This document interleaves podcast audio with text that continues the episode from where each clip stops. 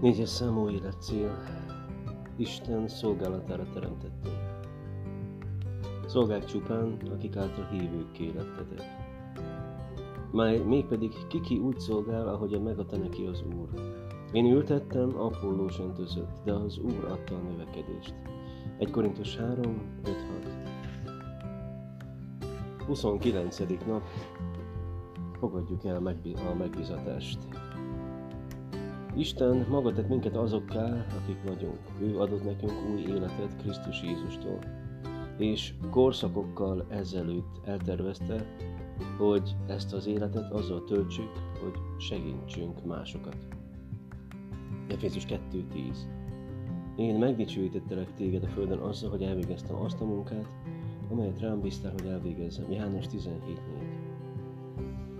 Azért születtünk a földre, hogy valami hasznosat tegyünk. Isten nem pusztán azért teremtett meg bennünket, hogy felemésszük a készleteket, táplálkozzunk, fogyasszuk az oxigént és foglaljuk a helyet.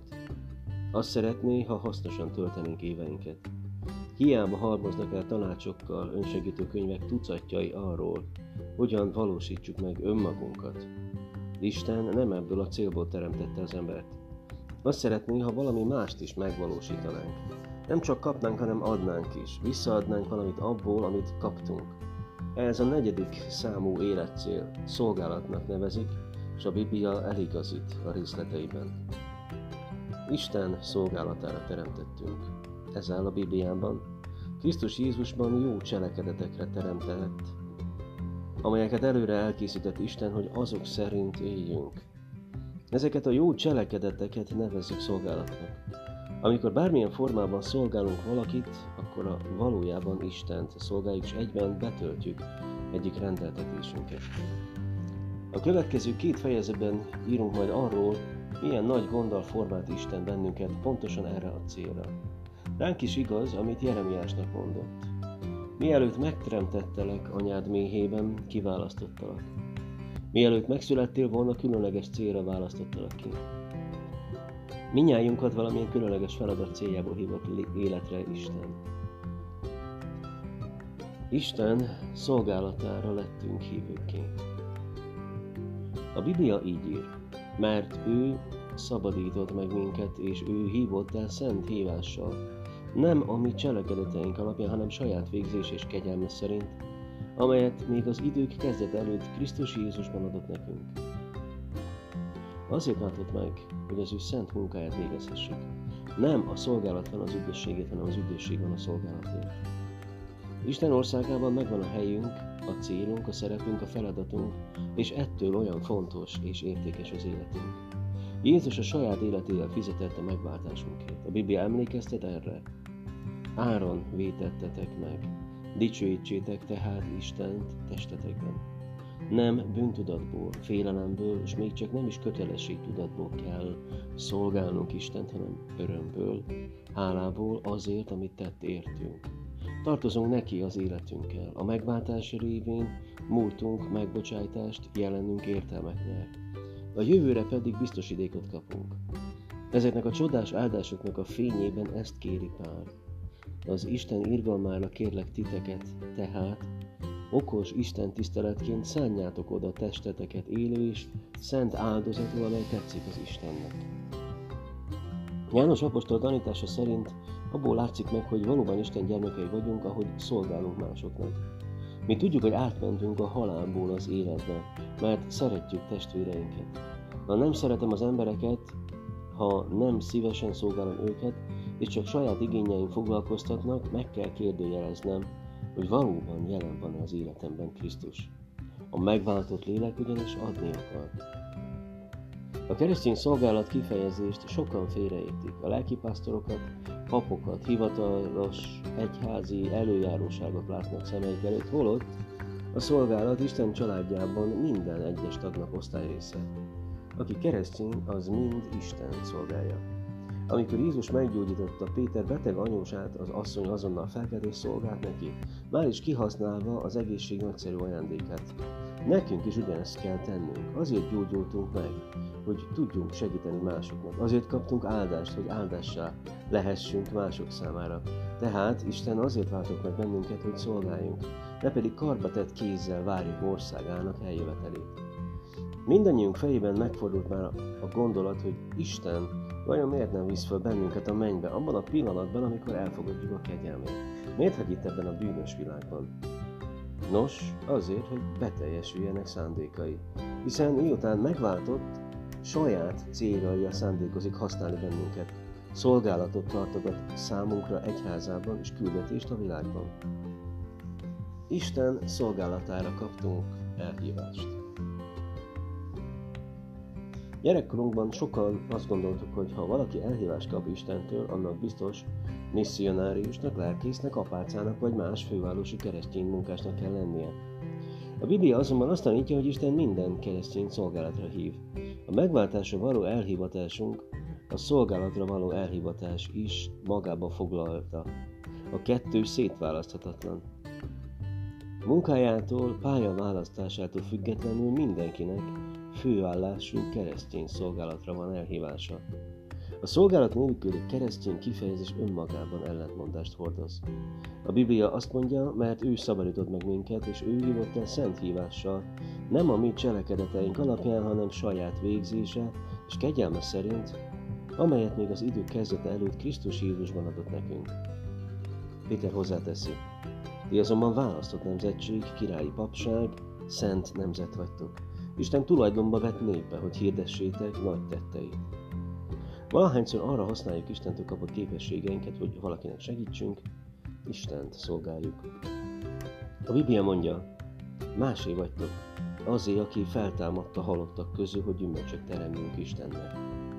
Időnk mekkora részében tesszük hasznosan magunkat az Istenét végzett szolgálatban. Kína egyes gyülekezeteiben a következő szavakkal fogadják az új hívőket. Íme Jézus új szemei, amelyekkel láthat, új fülei, amelyekkel hallhat, új kezei, amelyekkel segíthet, és új szíve, amelyel szerezhet, szerethet. Többek között éppen azért kell gyülekezethez tartoznunk, hogy elhivatásunk részeként kézzelfogható módon szolgálni tudjuk a hívő testvéreinket. A Biblia azt mondja, ti pedig Krisztus teste vagytok, és egyenként annak tagjai. Krisztus testében nagy szükség van a szolgálatra. Kérdezzük csak meg bármelyik gyülekezetet. Mindenkire vár egy feladat, és mindegyik feladat egyformán fontos. Isten szemében semmilyen szolgálat nem elhanyagolható, mindegyik számít. A gyülekezetben tehát nem létezik jelentéktelen szolgálat. Némelyik látványosan, némelyik a színfalak mögött zajlik, de mindegyik értékes. Gyakran épp a kisebb, észrevétlen szolgálatoknak van a legnagyobb hatásuk. Az én otthonomban például nem az ebédlő lenyűgöző méretű csillárja számít a legfontosabb fényforrásnak, hanem az a kis éjjeli fény, amely vigyáz rám, nehogy éjszaka neki menjek valaminek, ha felkelek. A méret és a jelentőség tehát nem arányos egymással. Mivel kölcsönösen függünk egymástól, minden szolgálat fontos. Mi történik olyankor, amikor testünk egy része nem végzi el funkcióját? Megbetegszünk, és az egész test szenved. Képzeljük csak el, mi történne, ha például a májunk úgy döntene mostantól azt teszi, amihez éppen kedve van? Elegem van, semmi kedvem folyton ezt a testet szolgálni. Kiveszek egy év szabadságot, hogy feltöltődjen, hiszen muszáj magammal is törődnöm egy kicsit. Majd átveszi a helyemet valaki más. Olyan mi történne? Meghalnánk. Nos, azért haldoklik manapság oly sok gyülekezet, mert a hívők egy része nem hajlandó szolgálni. Csak ül a nézőtéren, a test pedig szenved parancsot kaptunk a szolgálatra. Jézus szavai félre érthetetlenek, mint ahogy az emberfia sem azért jött, hogy neki szolgáljanak, hanem hogy ő szolgáljon és életét adja váltságú sokakért. A keresztény ember számára a szolgálat nem fakultatívan választható, nem valami olyasmi, amit csak akkor vállalunk, ha időnk engedi, hanem az élet középpontja. Jézus azért jött, hogy szolgáljon és életét adja. A mi életünket is ennek a két igének kell meghatároznia. Ezzel a két szóval foglalható össze a negyedik számú életcélunk. Teréz anya azt mondta, a szent élet abból áll, hogy Isten munkáját végezzük mosolyjal az arcunkon. Jézus azt tanította, hogy a lelki érettség soha nem lehet cél önmagában. Azért kell felnőnünk, hogy adni tudjunk. Nem elég mindig csak tanulni, hanem tenni is kell valamit a tudásunknak megfelelően. Alkalmazni kell, amit hiszünk. Impresszív tudás, expresszív megnyilvánulások nélkül depresszív hatású. A tanulás szolgálat nélkül ahhoz vezet, hogy megrekedünk a lelki fejlődésben. A Galileai tenger és a Holtenger jól ismert. Összehasonlítása igen találó. A Galileai tenger igazából egy élőlényektől hemzsegő tó, mivel nem csak elnyel a vizet, hanem továbbítja is. Ezzel szemben a Holtengernek nincs élővilág, amivel nem tud elfolyni. Belőle a víz, és így halott. A legtöbb hívőnek a legkevésbé arra van szüksége, hogy egy újabb Biblia tanulmányozó csoportot kezdjen látogatni, hiszen már jóval többet tud, mint amennyit megvalósít.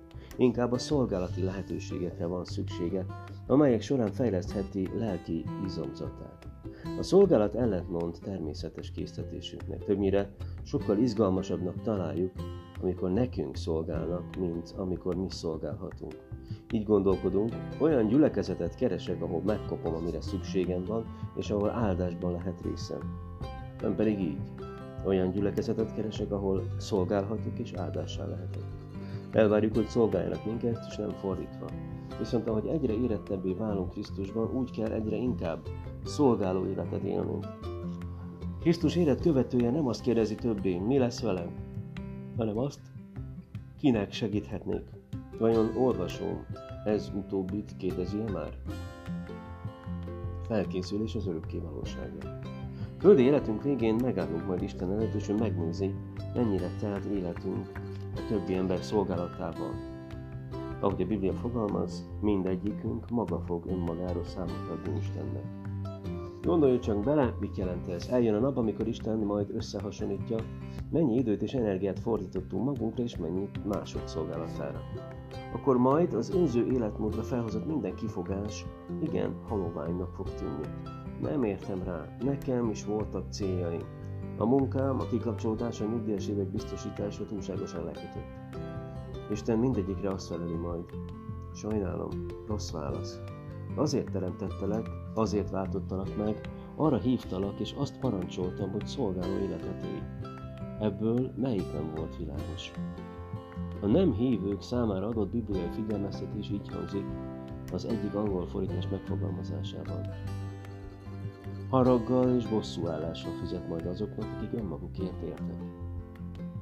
A keresztények számára az örök jutalom egy részének elvesztését jelenti majd.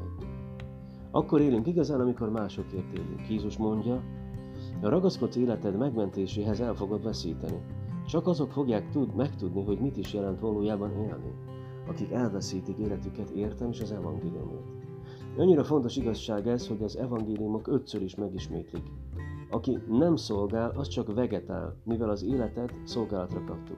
Isten azt szeretné, ha megtanulnánk, önzetlenül szeretni és szolgálni embertársainkat. A szolgálat és az értelmes élet. Mindenképpen odaadjuk valamiért az életünket. Vajon mi lesz az? A karrier, a sport, a hobbink, a hírnév, a gazdagság? Ezek közül egyik sem maradandó érték. A valóban értelmes élethez a szolgálaton keresztül vezet az út. A szolgálaton keresztül fedezhetjük föl életünk értelmét. A Biblia azt írja, mindannyian az ő teste részeként találjuk meg életünk értelmét és feladatát. Miközben együtt szolgálunk Isten családjában, örökkévaló jelentőséggel ruházzuk föl életünket. Pál írja, mert a test sem egy tagból áll, ha pedig valamennyi egy tag volna, hol volna a test. Isten változást akar hozni a világba általunk. Rajtunk keresztül szeretne munkálkodni. Életünknek nem a tartalma, tartalma, hanem a tartalma számít. Nem az, hogy mennyit, hanem hogy miként éljünk. Ha olvasom, nem vesz részt semmilyen szolgálatban, vajon milyen magyarázattal próbálja kimenteni magát? Ábrahám már idős volt, Jákob nem elég magabiztos. Lea nem volt túl szép, Józsefet bántalmazták korábban. Mózes dadogott, Gedeon szegény volt. Sámson függőségben élt, Ráháb erkölcstelen életű volt. Dávid kikezdett valakivel, és mindenfajta családi gondok küzdött. Élésnek öngyilkossági hajlama volt. Jeremiás depressziós volt, Jónás nem akart szolgálni, Naomi özvegy volt, keresztelő János enyhén szólva különc. Péter kiszámíthatatlan és hirtelen haragú volt. Márta sokat aggodalmaskodott, a Samária asszony pedig több sikertelen házasságra tekinthetett vissza. Zákeus népszerűtlen volt, Tamás kételkedett. Pálnak rossz volt az egészsége, Timósteus pedig visszahozódó volt. Mondhatnánk, egy nagy rakás szerencsétlenség. Isten mégis mindegyiküknek hasznát vette a szolgálatban. Mindenkinek hasznát veszi, ha felhagy a kifogások keresésével. 29. nap. Vizsgáljuk meg céljainkat. Elmélkedj rajta, a szolgálat nem választható feladat. Tanuld meg, mert az ő alkotása vagyunk, akiket Krisztus Jézusban jó cselekedetekre teremtett, amelyeket előre elkészített Isten, hogy azok szerint éljünk. Efézus 2.10 Gondold át, mi tart vissza attól, hogy elfogadd Isten elhívását a szolgálatra.